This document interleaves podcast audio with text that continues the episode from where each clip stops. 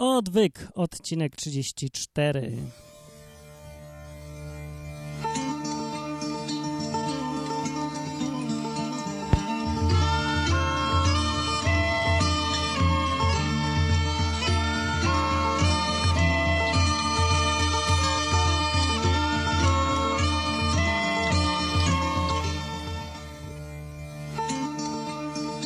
Nie tak, nie tak, nie tak. Tak ma być. No, odwyk na żywo, od niedawna na żywo, audycja ogólnie o Biblii. Tak, o Biblii. Na Biblii się skupię jest dzisiaj zwłaszcza. Dzień dobry, jest piękny dzień, jest 18.14 i zamiast iść, cieszyć się tym, że jest 25 stopni w cieniu, jeździć gdzieś skuterem, a nie będę jechał, bo już byłem ostatnio, za dużo jeżdżę, to ja siedzę tutaj z wami, nagrywam odwyk, bo niektórzy mnie pytają, a gdzie jest odwyk, a dlaczego nie ma następnego odcinka? Chcieliśmy sobie coś posłuchać. No i nie było, dlatego, że jakoś nie za bardzo mogłem wymyślić temat odcinka. No nie wiem, ostatni był alkoholowy, jakoś tak średnio mi wyszedł, może dlatego. No ale już nagrywam. Temat mi się sam zjawił. E, temat, temat wziął się, ja już wam powiem skąd. Temat wziął się od, pojawił się od Kościoła Brutalnych Chrześcijan. Kościół Brutalnych Chrześcijan. Co to jest Kościół Brutalnych Chrześcijan? Kościół Brutalnych Chrześcijan to jest news, który się pojawił na moim blogu o kościele, w którym tam ludzie są ogólnie tacy, no, klną dużo i mówią wszystko, że a, wszystko mamy, no, no. Nieważne, nie będę cytował, bo mi się nie chce, można sobie znaleźć i przeczytać łatwo. W każdym razie Santa Faust napisał na jakimś e, forum konserwatywnym, konserwatyzm.pl zdaje się, konserwatyzm.grupa3g.pl forum, tam, tam link mi dał do tego wpisu. I ludzie zaczęli komentować. Najpierw ten wpis, potem mnie i mój podcast Odwyk i bardzo ciekawe to, co tam piszą. Obśmiałem się troszkę, a troszkę się nie obśmiałem, a wręcz przeciwnie, ale przeczytam kawałek, bo to jest dobre, dobry pomysł na temat był. E, Santa Faust tam napisał, że facet piszący ten blog, czyli Odwyk, nie, tamten blog, prowadzi też jedyny w Polsce podcast chrześcijański Odwyk, czyli to, co słuchacie teraz. Podcastu można posłuchać na www.odwyk.com. Brawo, dziękuję za reklamę, Santa Faust. Chociaż wątpię, że ktoś z tego forum będzie słuchał mnie. A dlaczego to już właśnie usłyszycie? No i odpowiedział mu ktoś, że mam wrażenie, że jego wizja chrześcijaństwa jest bardzo blisko wizji ryzykowej. Od chociażby takich właśnie. Człowieka nie wolno kopać, chyba że czerwonego. No, tak uważa Thorn, że moja wizja jest, chrześcijaństwa jest blisko wizji ryzykowej, prawda? No, więc każdy z was, który słuchał, to na pewno doszedł do tego samego wniosku, nie? Widać, że ludzie nie muszą czegoś znać, żeby mieć o tym wyrobioną opinię. Jacy to muszą być szczęśliwi ludzie. Naprawdę, czasem się wydaje, że ignorancja jest błogosławieństwem. Po co poznawać za dużo? Po co słuchać? Po co sprawdzać? Skoro i tak wiadomo. No. No i Santa Fazon to odpowiedział. Widocznie pan Thorn nie słuchał odwyku. Pewnie, że nie słuchał. Thorn mówi, no nie słuchał, ja jestem wierzący, ale szkoda mi czasu na ekstremy w rodzaju katolickie kopanie, czy Jezus zajebisty jest. Wolę poczytać książki księdza profesora Hellera. No bardzo słusznie, panie Thorn, bo jakże, gdzież indziej można się nauczyć o innych ludziach, innych wyznaniach, innych religiach, innych światopoglądach, jak czytając wyłącznie książki katolickiego księdza profesora Hellera. Brawo, brawo, gratuluję podejścia zresztą. Takie, właśnie nie mówię tak do końca ironicznie, naprawdę podejście w stylu trzymam się tylko jednej ideologii, nie chcę nic słyszeć o żadnych innych ludziach, nie chcę znać innych języków, nie chcę czytać innych książek. Jest dobre, bo uszczęśliwia człowieka, no bo tak to ktoś będzie musiał myśleć o jakichś innych, no w jakiś inny sposób, jeszcze zaburzy mu się coś w głowie. No, to, to jest podejście takie, pan Giertych też zresztą tak woli, nie? żeby było Wszyscy się mają uczyć tego samego, wszyscy mają mieć tą samą religię i najlepiej też czytać jedną książkę zalecaną przez ministerstwo albo pana Thorna. Dobra, ale nieważne, nie o tym chciałem, nie o tym chciałem. Ludzie tam potem pytają, no to kto to jest? I Santa Faust mówi, to jest facet, który po prostu przeczytał Biblię i stara się jej trzymać. Uważa się po prostu za chrześcijanina. W stu procentach masz rację, Santa Faust. Dokładnie ująłeś to tak, jakbym to ja ujął. Idealnie. I oto teraz jest najciekawszy fragment wypowiedzi. Bo Apfelbaum niejaki przyszedł i mówi tak. Swoją drogą fajne zdjęcie ma, to jest zdaje się Herflix z Gestapo. No, z alo, alo. No ale pisze tak. Chrześcijanin indywidualista? Kto udziela mu sakramentów? Czyżby to nie, na, czyżby to nie następny skrajny ewangelik? Kiedyś takiego spalono by na stosie za kon szachty z diabłem. Dziś to my jesteśmy martwi, gdy pustoszą naszą winnicę. To cudowne. Już, no teraz już wiemy, czyja to jest winnica. Wiadomo już czyja. No, naszą, naszą. Kościelną, hierarchiczną, katolicką. No, bo jak czytałem Biblię, to mi się wydawało, że to jest Boga winnica, Jezusa winnica. W końcu se zasłużył na to. A tu się okazuje, że nie, to nasza, nasza. Dobrze, proszę bardzo. W każdym razie, kto udziela mi sakramentów? Więc niektórzy ze słuchaczy prawdopodobnie się zastanawiają nad tym, no kto mi udziela sakramentów? Jak można żyć bez sakramentów, nie? I chrześcijanin indywidualista. No więc zanim przejdę do odpowiedzi na, tym pyta na to pytanie, bo właśnie tematem dziś będą sakramenty. No i teraz nie wyłączajcie, nie wyłączajcie, bo powiem wam dlaczego to nie jest najbardziej nudziarski temat na świecie. Dlaczego nie jest? Za chwilę powiem, bo najpierw powiem jeszcze, że ewangelik, drogi panie, jeżeli mnie słuchasz, w co mocno wątpię, panie Applebaum, to coś się panu pomyliło. Otóż wystarczyło sprawdzić w Wikipedii definicję ewangelik albo posłuchać mojego podcastu, kiedy mówiłem o kościołach, ale to za dużo roboty. W Wikipedii jest napisane ewangelicy. Nazwą tą od XVI wieku określa się protestantów tak zwanych historycznych, czyli luteran kalwinów. No, krótko mówiąc, to są luteranie. Skrajny luteranin jestem według tego pana. Natomiast chyba chodziło o ewangelikalizm. No, wiem, że podobne słowa może się pomylić ale też jest definicja i mówi tak, ewangelikalizm, chrześcijaństwo ewangeliczne, o to jest dobra nazwa, to jest chrześcijaństwo ewangeliczne, a ewangelik to jest członek kościoła luterańskiego albo kalwińskiego, tych starych kościołów z tej pierwszej reformacji.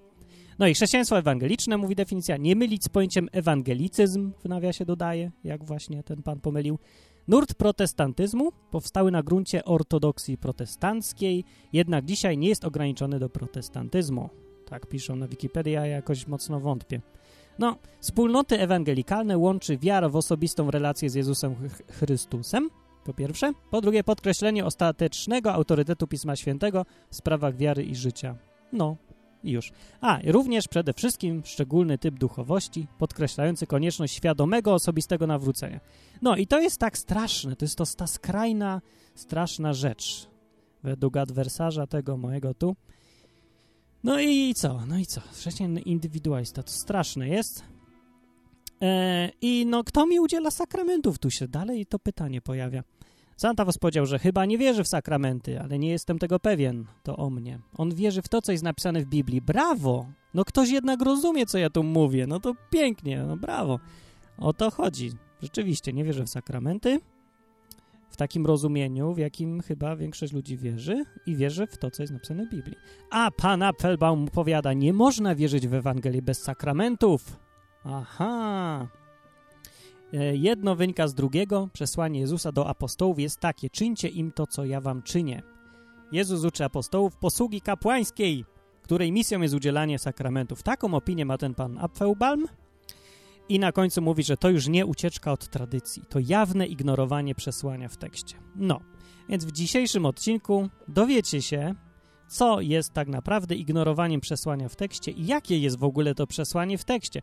W odróżnieniu od tego pana, który tutaj takie rzeczy pisze, ja będę cytował to, co tekst mówi, bo go znam i słucham też innych ludzi, a nie tylko takich, którzy mają identyczny światopogląd jak ja i staram się no, ze wszystkich stron patrzeć na dany temat, także nie unikam, jak widzicie, forów takich i innych i siakich.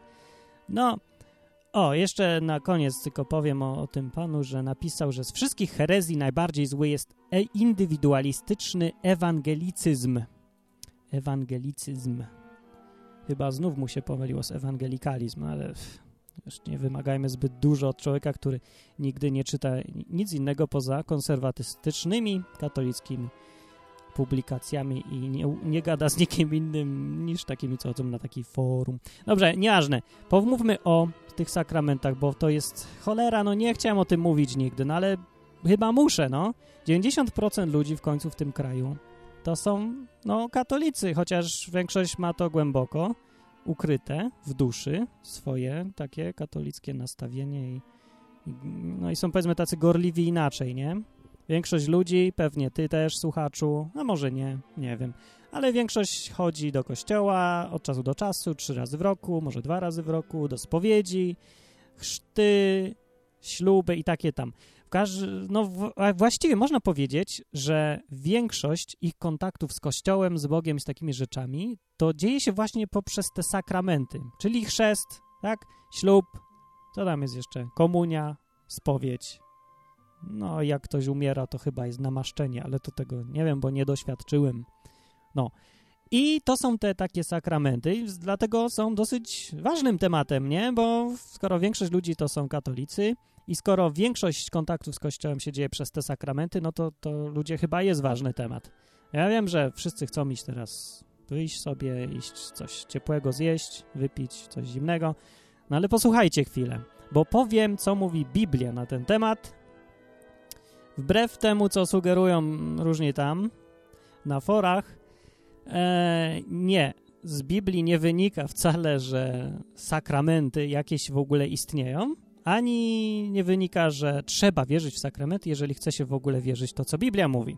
W ogóle słowa sakrament oczywiście nie ma w Biblii, a wszystkie te koncepcje, które mówią, że tam Jezus ustanowił spowiedź, kapłaństwo, um, to tam, tam chrzest i takie różne, to wszystko jest bardzo nie wprost wzięte z Biblii. Inaczej mówiąc, głównie to działa tak, że bierze się jakieś jedno zdanie i że tam Jezus coś powiedział, albo na przykład, że umył nogi uczniom i z tego się wyprowadza całą koncepcję, e, że są kapłani i pod nimi są diakoni i ci kapłani są jeszcze, no tam całą liturgię i wszystko. No, po prostu z jednego małego zdania wyprowadza się to wszystko, co jest dziś w kościele katolickim. No, teraz pytanie, czy to jest uzasadnione, no to można wziąć Biblię i przeczytać i ocenić samemu. Do tego właśnie zachęcam, żeby brać Biblię i czytać samemu. No to ja, dobra, w końcu coś zacytuję. Najpierw jeden kawałek najbardziej, najczęściej, najpowszechniej cytowany przez wszelkich aktywistów katolickich. Nie wiem dlaczego, ale tak się wzięli na ten fragment, że myślę czasem, że cała Biblia mogłaby nie istnieć dla nich, byleby tylko jedno to zdanie było. To chodzi oczywiście o zdanie z Ewangelii Mateusza. Cytuję. Ja ci powiadam, to Jezus mówi, ja ci powiadam, że ty jesteś Piotr i na tej opoce zbuduję mój kościół, a bramy piekielne go nie przemogą. I dam ci klucze Królestwa Niebios i cokolwiek zwiążesz na ziemi, będzie związane i w niebie, a cokolwiek rozwiążesz na ziemi, będzie rozwiązane i w niebie. Koniec cytatu. Mam dość serdecznie tego fragmentu. Co chwilę ktoś mi go czytuje. I ten niby fragment ma być uzasadnieniem tego, że każdy musi słuchać we wszystkim papieża, urzędu nauczycielskiego kościoła i chodzić na msze i się spowiadać i w ogóle wszystko. Wszystko się uzasadnia tym jednym fragmentem. No, a i teraz pytanie, jak logicznie można z takiego fragmentu, że jeden facet powiedział jakiemuś Piotrowi 2000 lat temu, że on jest skałą, opoką i Bóg tam wie kim jeszcze, jak z tego można przenieść się na dzisiejsze jakieś tam posłuszeństwo wszystkim księżom, kapłanom, papieżom, arcybiskupom i kardynałom. Jak się ma to jedno do drugiego? No właśnie, i tutaj jest kluczowa rzecz, którą musicie wiedzieć. Zresztą to nie jest żadna tajemnica, ani nic, no po prostu pewnie większość z was tego nie wie, tylko dlatego, że nigdy nie interesowaliście się tym, ale istnieje podstawowa, fundamentalna zasada w kościele katolickim – która się nazywa Sukcesja Apostolska. Fanfary. Nie mam fanfarów. Sukcesja apostolska. Gdyby nie było tej koncepcji, to wszelkie y, dowodzenie czegokolwiek z Biblii nie miałoby najmniejszego sensu. Ten fragment też by nie miał żadnego sensu, gdyby nie ten pogląd pod tytułem Sukcesja Apostolska. I o co w tym chodzi? No, chodzi o to, że ci tam ludzie, no nazwijmy w skrócie tam kościół katolicki, albo hierarchowie kościoła, albo tam te szychy, no, twierdzą, że są spadkobiercami, znaczy nie oni, powiedzmy, że kapłani, e, księża, kardynałowie i ci wszyscy są spadkobiercami apostołów. Albo inaczej mówiąc, że apostołowie, tak jak apostowie byli kiedyś dla tych zwykłych takich wierzących autorytetem i że trzeba było ich, nie wiem, teoretycznie słuchać, to tak samo dzisiaj autorytetem są księża, bo są już, bo już, bo, bo pochodzą od apostołów, bo dziedzi, odziedziczyli coś od nich. No. no i to jest taka koncepcja, która, powiem krótko, jest absolutnie wyssana z palca i nie ma żadnego w ogóle poparcia w Biblii ani w niczym. Dlaczego? No bo apostowie nigdy nie zostawili żadnych następców. Bo w Biblii, wszędzie gdzie są apostołowie, to każdy jeden z nich był wybierany osobiście przez Boga. Albo przez Jezusa, albo tak jak Paweł, no Pawłowi się też ukazał Jezus. I każdy apostoł, nie ma żadnego przypadku w Biblii całej, żeby jakikolwiek apostoł został apostołem z mianowania, bo go innym apostoł przyszedł, no ja już jestem stary, szukam następcy, ty będziesz teraz apostołem. Nie ma takich rzeczy, nie ma nigdzie. Czytajcie całą Biblię i pokażcie mi taki jeden fragment, jakąkolwiek sugestię, że coś takiego miało miejsce. Nie znajdziecie. To jest wyssane z palca po prostu. Tym niemniej jest. I jest to kluczowa i podstawowa zasada w Kościele katolickim, z której wynika to, że dzisiaj 90% ludzi uznaje, że ci tam, którzy chrzczą i bierzmują i udzielają chrztu i ślubu, są absolutnie niezbędni w życiu, bo bez nich nie dałoby się mieć kontaktu z Bogiem, bo oni są jak apostołowie, nie?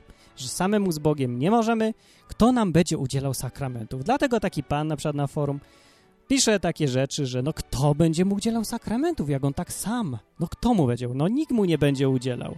Dlatego, no właśnie z tego wynika, że ten pan wierzy w sukcesję apostolską, że ci tam dzisiejsi księża to są tacy apostowie. No. E, I dlaczego o tym poglądzie mówię teraz w ogóle? No dlatego, że tak, nie, nie, ciężko mi jest udowodnić, że nie ma czegoś takiego w Biblii, ale wcale nie zamierzam. Załóżmy na chwilę, że rzeczywiście to jest prawda. Chociaż nie jest, ale założyć możemy, żeby się po, na przykład nie kłócić e, z tymi, co mówią, no jak to nie ma, jest. Dobra, niech ci będzie, jest. Załóżmy na chwilę, dobra? Dacie radę na chwilę coś założyć? Dacie radę. No, ale ja wam pokażę, że te wszystkie rzeczy, które myślicie, że Jezus powiedział ustanawiając sakramenty i mówił je tylko do apostołów, okazuje się, że wcale nie mówił je do apostołów. Mówił je do wszystkich uczniów. Bo zakładając, że wszystko, co jest powiedziane w Biblii do apostołów, dotyczy dzisiejszych księży, kapłanów i tak dalej, no trzeba też założyć, że wszystko, co Jezus mówił do wszystkich swoich uczniów, dotyczy każdego normalnego, zwykłego wierzącego, tak? Logiczne czy nie? Jeżeli więc pokażę, że Jezus coś powiedział nie tylko do apostołów, tylko do wszystkich, to znaczy, że kapłani dzisiejsi w kościelni nie mają żadnego monopolu na to coś. No, na przykład ten cytat, który, o którym mówiłem. E, dam ci klucze królestwa niebios i cokolwiek zwiążesz na ziemi, będzie rozwiązane i w niebie. Cokolwiek rozwiążesz na ziemi, będzie rozwiązane i w niebie. To mówił Jezus do kogo? Do Piotra, apostoła, który tak mu się nie popisał wcześniej trochę, ale tak mu powiedział. I teraz na mocy tego, tej sukcesji apostolskiej, tego tam ustalonej z arbitralnie zasady, uważamy, możemy uważać, jeżeli taką, w taką zasadę wierzymy, że to chodzi o to, że papież jest teraz następcą świętego Piotra. Znacie takie nie? sformułowanie, jest następcą świętego Piotra.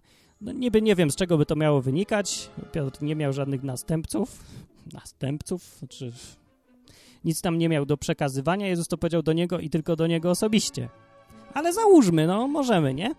No, że cokolwiek rozwiążesz na ziemi, będzie rozwiązane i w niebie. Jak, jakie to jest coś budzące szacunek, prawda? Tylko jeden Piotr, tak mu było powiedziane, że może związać na ziemi i na niebie będzie związany, ale ma władzę ten Piotr, ten jeden, tak? Nie, bo w Mateusza kawałek dalej, dwa rozdziały później, Jezus mówi do wszystkich to. Już po swoim zmartwychwstaniu przychodzi do nich i mówi tak. Zaprawdę powiadam wam, do ludzi, wszystkich, i to nie tylko samych apostołów, do uczniów, wszyscy, wszyscy tam byli. Mateusza 18, 18, to są namiary, sprawdźcie sobie, żeby nie było, że wyrywam z kontekstu. Mówił tak, zaprawdę powiadam wam, wam, cokolwiek byście związali na ziemi, będzie związane i w niebie. I cokolwiek byście rozwiązali na ziemi, będzie rozwiązane i w niebie. No i koniec cytatu. Wszystkim to powiedział, ani jednemu Piotrowi. No co, wszyscy jesteśmy papieżami teraz. Wszyscy jesteśmy papieżami. Wszyscy związujemy, rozwiązujemy. Tak? No na to by wychodziło. W każdym razie nie da się podtrzymać poglądu, że ten Piotr był jakimś wyjątkowym, tylko on mógł rozwiązywać. Wszyscy mogli. No, to takie było jedne. E, drugie, drugi przykład. Spowiedź. Nie wiem, ilu z was wierzy w spowiedź. Jak wierzycie, wierzcie sobie na zdrowie. Nie wiem, skąd to wierzycie w Biblii, bo tego nie ma w Biblii. E, uzasadnienie istnienia spowiedzi jako właśnie takiego sakramentu jest takie, że Jezus znów powiedział jedno zdanie do kogoś i teraz z tego się bierze koncepcja, że tylko kapłani mogą odpuszczać grzechy w imieniu Jezusa. No, taka koncepcja. I to jest z Ewangelii Jana. Tak? No, powiedzmy, że tak. Jest to w dwóch chyba miejscach, z tego co pamiętam. W jednym miejscu jest w Ewangelii Jana i to było wtedy, kiedy Jezus przyszedł, jak już zmartwychwstał, wlazł im do domu, w ogóle drzwi zamknęli, wytrychy miał czy co. No wlazł, stanął i mówi, pokój wam, mówi. I to powiedziawszy, pokazał im ręce i bok. No to się ucieszyli. I znowu rzekł do nich Jezus, pokój wam, jak ojciec mnie posłał, tak i ja was posyłam, powiedział. Eee, I to rzekłszy, tchnął na nich i powiedział im, weźcie Ducha Świętego. Weźmijcie. Co to za weźmijcie? No dobra, staropolszczyzna, nieważne. I potem powiedział tak, ważne zdanie, którymkolwiek grzech odpuścicie, są im odpuszczone, a którym zatrzymacie, są zatrzymane. I teraz znów Kościół twierdzi, no, bardzo piękna muzyka, jakże pasuje do tego, o czym mówię. Ciszej tam. Teraz Kościół uważa i twierdzi, że na mocy tego, co powiedział, tutaj Jezus ustanowił spowiedź. Bo powiedział, że którymkolwiek grzechy odpuścicie, są im odpuszczone, a którym zatrzymacie, są zatrzymane. No nie? No jest tak, na pierwszy rzut oka wydaje się, że to jest okej, okay, no dobrze, ustanowił, tylko że przeczytajcie to dokładniej. Z całego tego fragmentu wynika, że tak, po pierwsze przyszedł do przyszedł do w ogóle, tam gdzie wszyscy uczniowie siedzieli zamknięci razem, tam nie byli apostołowie, nie była dwunastka, to byli wszyscy uczniowie. W dziejach apostolskich jest ich wymienione, że chyba ich było 200 czy 300. Siedzieli sobie tam razem. To byli ci wszyscy uczniowie. Wszyscy! Którymkolwiek grzech odpuścicie, są im odpuszczone. Powiedział do swoich uczniów, a nie do apostołów. Jeżeli z tego fragmentu ma wynikać, że tylko kapłani mają monopol na spowiedź, no to coś jest nie tak. Hello? Jeżeli Jezus to mówi do wszystkich, to dlaczego teraz ma to zostać uznane, że to tylko kapłani mają taką moc? No niespójne, nielogiczne, bez sensu. Proszę mi odpowiedzieć na to pytanie. Że tak jest napisane w Biblii, no to hello. Jak wy to rozumiecie inaczej? No, więc nawet zakład, tak jak mówię, najpierw zakładają, nawet zakładając, że istnieje coś takiego jak e, spadkobierstwo apostołów, co, co nie istnieje, ale zakładając, i tak nie da się udowodnić i wykazać logicznie z Biblii, że Jezus cokolwiek ustanawiał dla jakichś kapłanów. Dobra, to przejdźmy do kapłanów w ogóle. Co o co chodzi z tymi kapłanami, bo to się bardzo ściśle wiąże z sakramentami. A nie, najpierw miałem powiedzieć jeszcze o sakramentach, potem o kapłanach. O, ile tam się już nagrywa, żeby nie zanudzić nikogo na śmierć. Ile, ile, ile, ile? A, 20, no dobra, jeszcze chwilę mówię sakramenty. Co to jest w ogóle? Tak na chłopski nie będę cytował Wikipedii, możecie sobie znaleźć, zresztą jak wiecie, to wiecie lepiej niż ja pewnie. E, sakrament to jest taki rytuał, no bo jest, nie? Na przykład w ogóle to są chrzest, bierzmowanie, kapłaństwo, małżeństwo, no i tam jakieś inne, nie pamiętam. Znaczy pewnie pamiętam, ale mi się nie chce tracić czasu na przypominanie sobie teraz, znajdźcie sobie. To są rytuały, to są jakieś takie... A, jak to lepiej określić? To są takie jakby czary. O, i to jest dobre określenie, to są czary.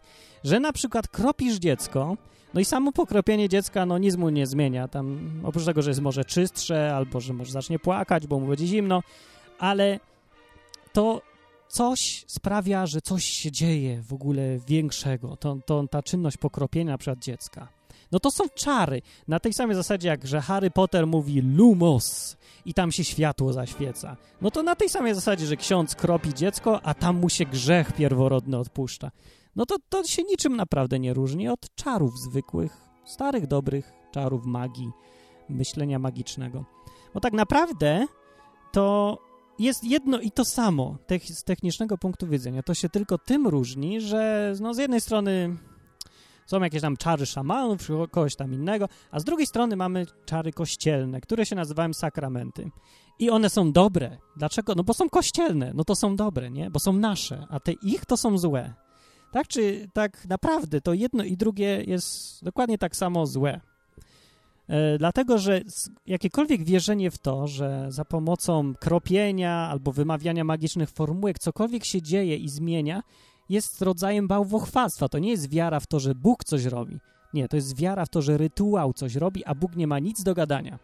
No bo, czy Bóg może nagle, ty, powiedzmy, przychodzi ksiądz i mówi, spowiedź będzie teraz. Był sobie morderca, bandzior i mówi, na łożu śmierci chce się wyspowiadać i wejść do nieba. O, muzyka pasuje. Do nieba. No i przychodzi ksiądz i mówi, ja cię wyspowiadam, grzeszniku. A on mówi, dobrze. No i tam wyznaje, wyznaje, wyznaje, a ksiądz mówi, odpuszczam ci. Jest cudownie. I Bóg odpuszcza automatem. Tak? A wyobraźcie sobie sytuację, że Bóg mówi, a wiecie co, nie podoba mi się to, ja mu wcale nie wierzę, nie odpuszczam. Czy może w ogóle być taka sytuacja? No nie może być, bo to jest rytuał, który jest silniejszy od Boga i stoi ponad nim, jeżeli Bóg nie ma prawa weta.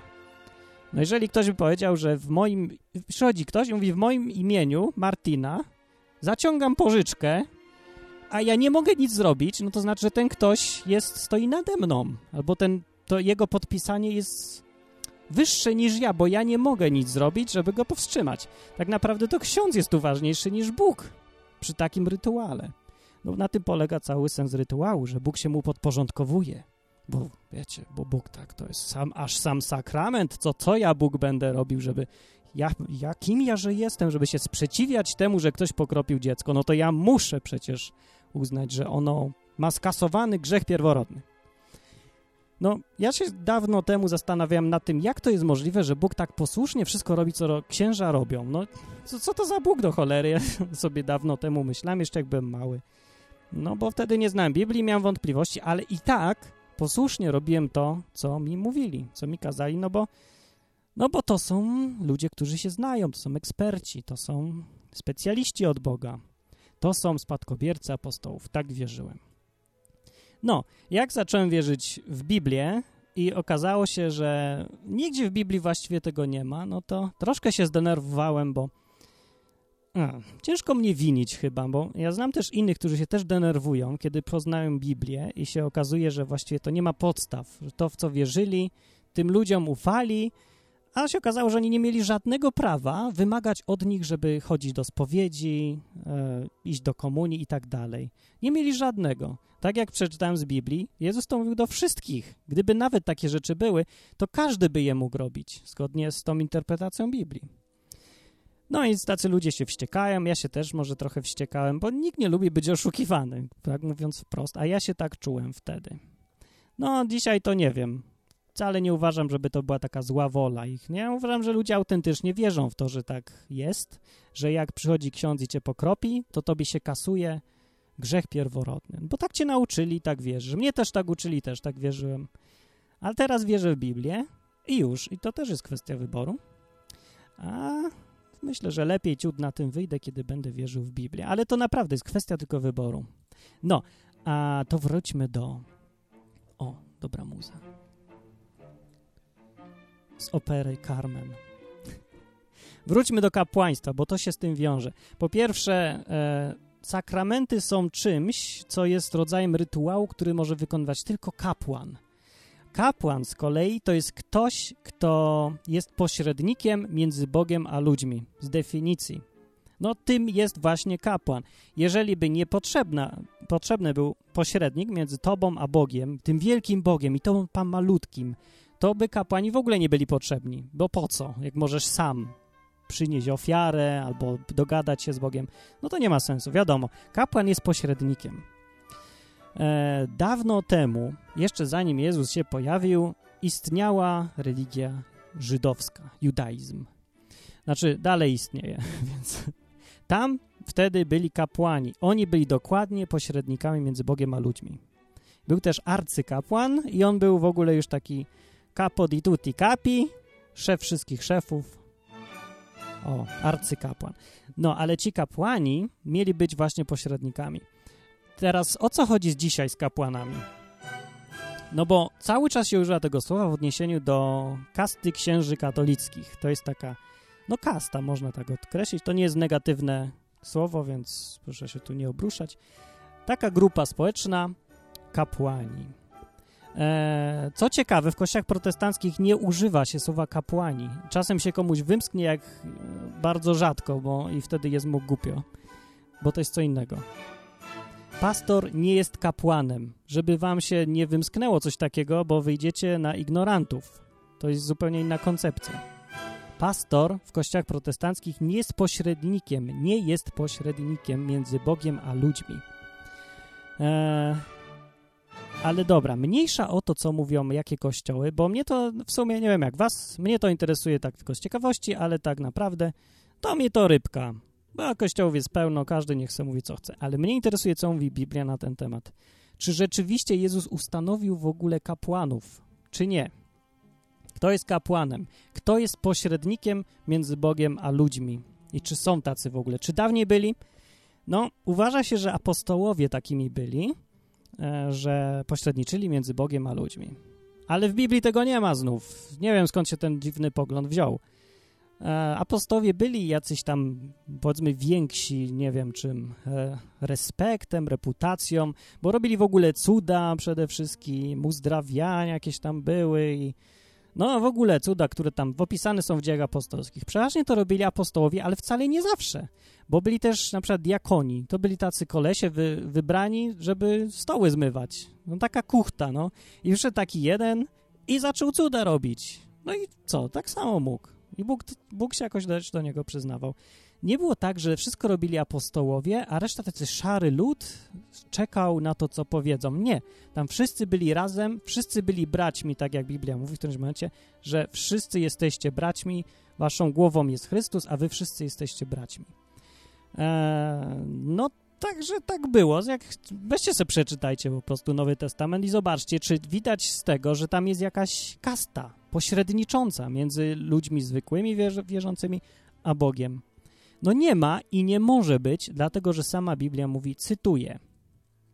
W pierwszym liście do Tymoteusza jest napisane tak, albowiem jeden jest Bóg, jeden też pośrednik między Bogiem a ludźmi, człowiek Chrystus Jezus. Koniec cytatu. Jest tu napisane wprost zupełnie i nie trzeba się domyślać. Jest napisane, że jest jeden pośrednik między Bogiem a ludźmi, to jest Jezus. Koniec. Nie ma więcej. Nie ma. Eee, żeby było jeszcze tak jasne całkiem, Biblia nazywa wprost wszystkich wierzących kapłanami i w ogóle zostało to w takiej formie, bo kiedyś Kościół katolicki też to oczywiście uznawał, no bo to się dopiero przez te lata, przez te wieki wypaczyło trochę, ale kiedyś tak uważał, e, tak jak właśnie Biblia uważa, że każdy wierzący jest kapłanem. Każdy ma bezpośredni dostęp do Boga i nie ma czegoś takiego jak pośrednicząca warstwa kapłańska taka. W objawieniu Jana w Apokalipsie w pierwszym rozdziale jest napisane, jak tam zaczyna pisać ten nam autor Jan, pisze tak. Znaczy pisze od kogo jest list, pisze, że tam od Jana, da, da, da, i od Jezusa Chrystusa, który jest świadkiem wiernym, pierworodnym z umarłych i władcą nad królami ziemskimi. Jemu, który miłuje nas i który wyzwolił nas z grzechów naszych przez krew swoją i uczynił nas rodem królewskim, kapłanami Boga i Ojca swojego, niech będzie chwała i moc na wieki wieków, pisze. I tutaj, że zacytuję, pisze, że Jemu, który uczynił nas rodem królewskim i kapłanami Boga i Ojca. No wprost są nazwani wierzący kapłanami. No ktoś powie, że to jakieś tam, nie wiem, malownicze określenie, no ale tak, są nazwani wszyscy, nas, nas wszystkich wierzących, nie nas apostołów przecież. To nie jest adresowany ten list tylko do apostołów, tylko do nas, wszystkich wierzących. No ale jeszcze w liście pierwszym Piotra samego, teoretycznie tego, e, jak to tam, papieża teoretycznie pierwszego, on sam napisał, do wszystkich znów pisał ten list i pisał tak, wy jesteście rodem wybranym, królewskim kapłaństwem, narodem świętym, aby, no i tam dalej, bla, bla, bla, bla, reszta zdania. W każdym razie tak nazywa ludzi, rodem wybranym, królewskim kapłaństwem. To jest takie dosyć wysoki status. Nazywa kapłanami w jednym miejscu Biblia, wszystkich wierzących, w innym królewskim kapłaństwem też, narodem świętym, o dalej. E, I nigdzie w Biblii nie można znaleźć takiego miejsca, gdzie byłoby powiedziane, że pośrednicy są potrzebni.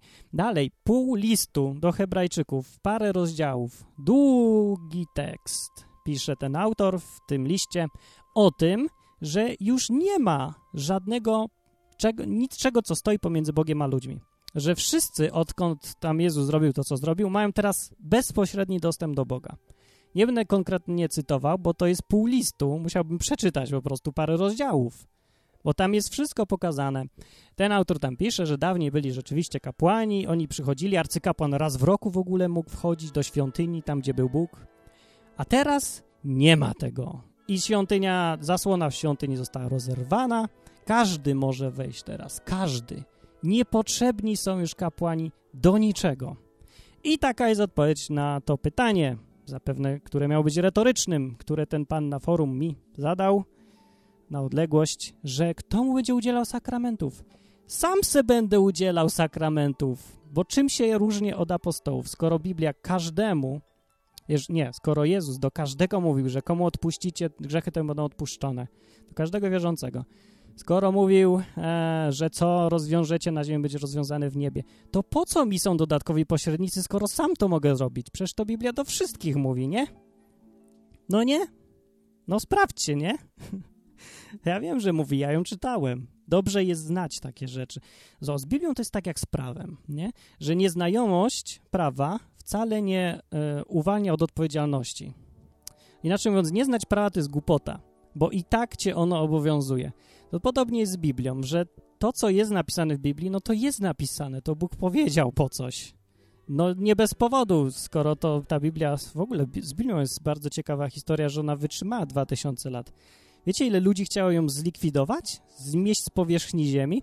Z tego, co wiem, było ponad 10 prób w ciągu od, od no, no, gdzieś tam głównie w tych wczesnych wiekach one były. No ale było pon ponad 10 prób całkowitego zniesienia z powierzchni ziemi Biblii. Było tam paru ważnych gości, którzy bardzo jej nie lubili i chcieli ją zlikwidować. Zbierali wszystkie egzemplarze, palili, niszczyli. Nie udało się to nigdy nikomu. A, ciekawa historia. A to kiedy indziej w innym odcinku. No, e, odnośnie sakramentów to było i odnośnie kapłanów. W Biblii nie ma kapłanów, podsumowując to wszystko. Nie ma i nie potrzeba. Nawet jakby byli, to po co by komu byli potrzebni? Do niczego naprawdę. Słuchajcie, na co mi jest kapłan potrzebny? Jezus mówi do wszystkich wierzących nie tylko takie rzeczy, że będziecie, nie wiem, tam chrzcić czy coś. To to jest nic. Jezus powiedział, że będziecie demony wyrzucać, że będziecie uzdrawiać, że będziecie mówić różnymi językami i że będziecie prorokować. To jest chyba takie bardziej donioślejsze, jakieś takie bardziej sensacyjne i to jest chyba lepszy dowód na to, że Bóg się do kogoś przyznaje, niż to, że co, będziecie dzieci kropić, jak ktoś wyrzuca demona, to to jest dla mnie znak, że chyba niepotrzebny mu jest kapłan jednak. Ja sam wyrzucałem demona kiedyś, więc hello. Niepotrzebne mi naprawdę sakramenty.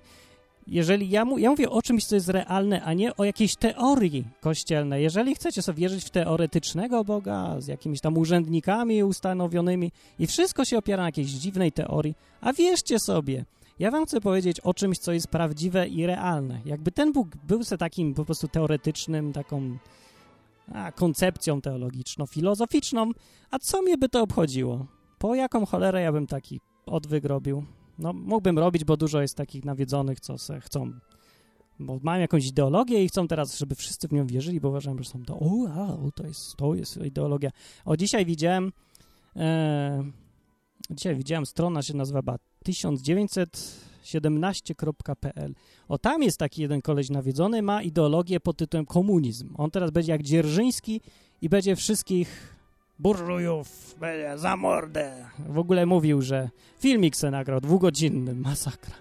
Wytrzymałem 15 minut, a tam mówił, że będzie w ogóle jego komunizm polega na tym, że będzie siermiężny i że będzie bił wszystkich i kapitalizm jest samo zło i w ogóle.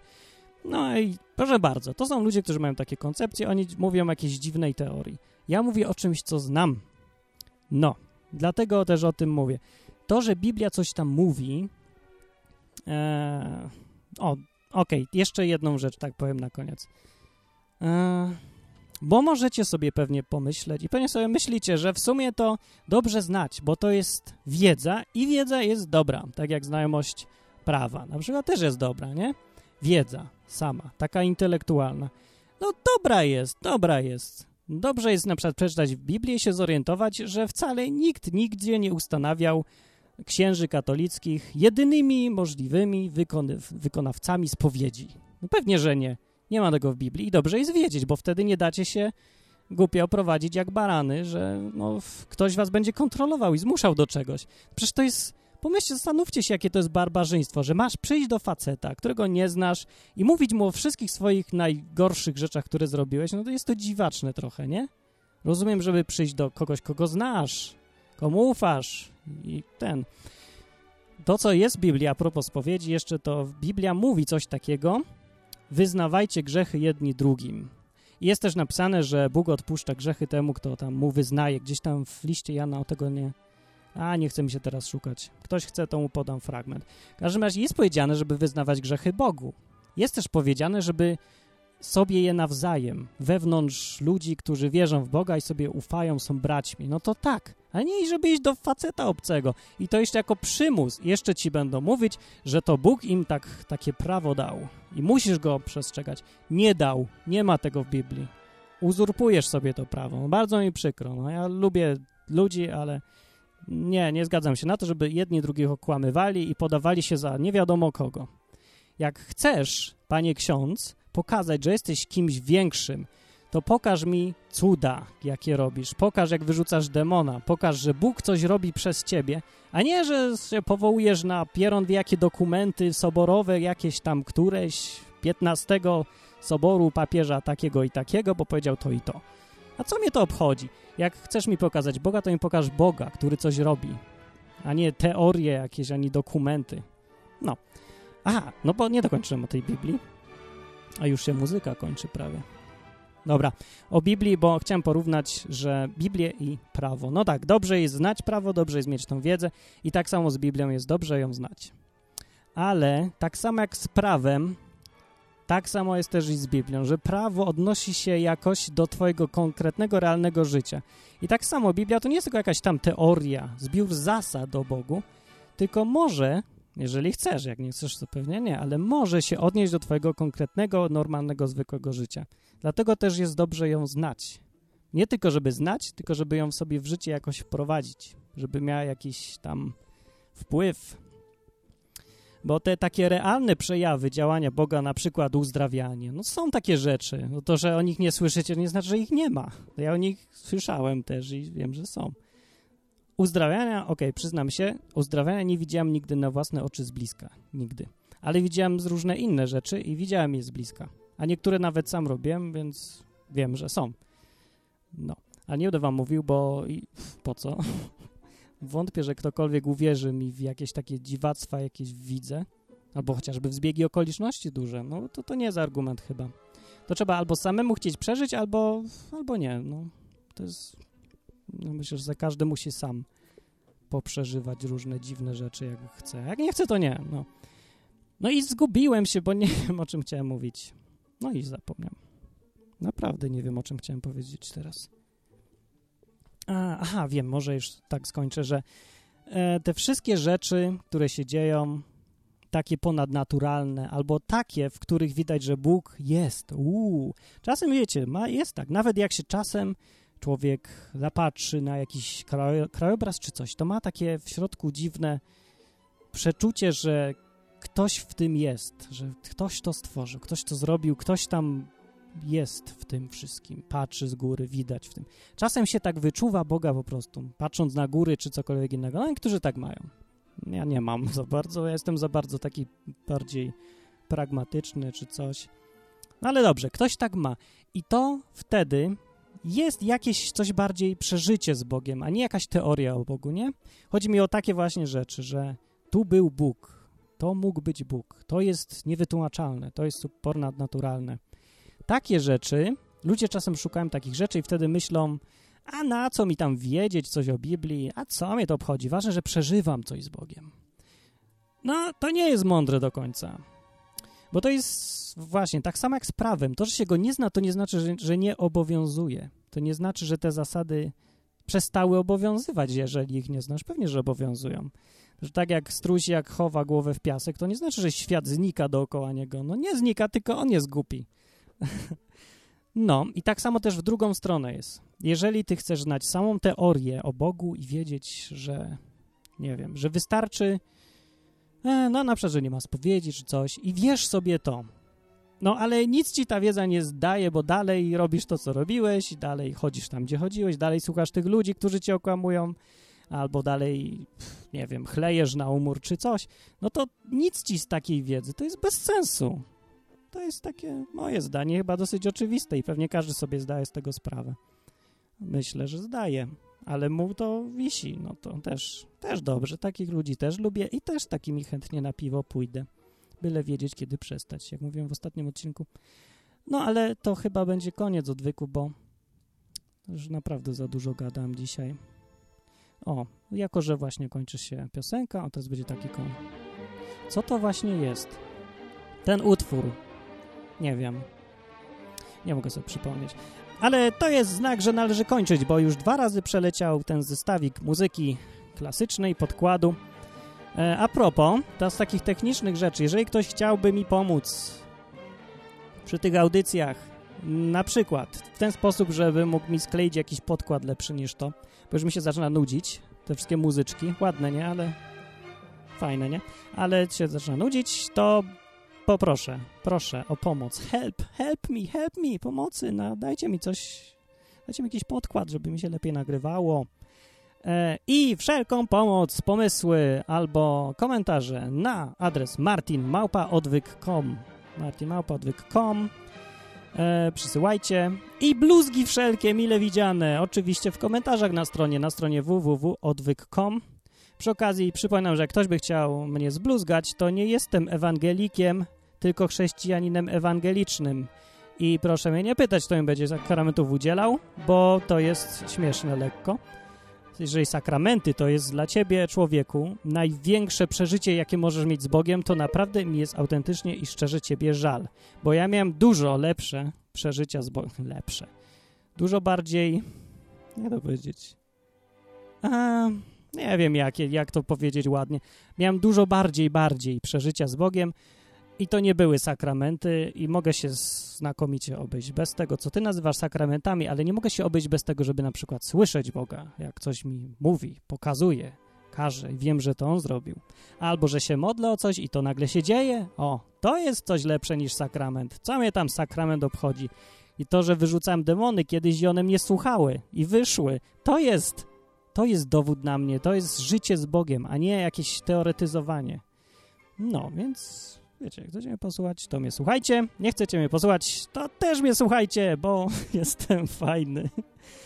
Um, dobra, przynajmniej nie nudzę, no. Mam nadzieję, nie za często. Dobra, to był odwyk, odcinek... Który to był? 34.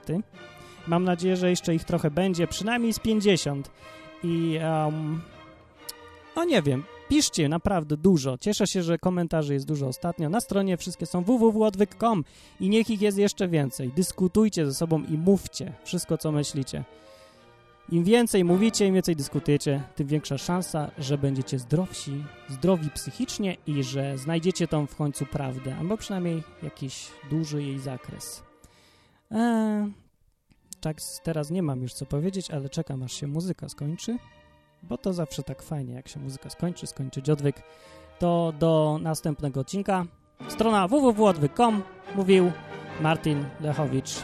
Dobranoc. No tak, to nie było zamierzone.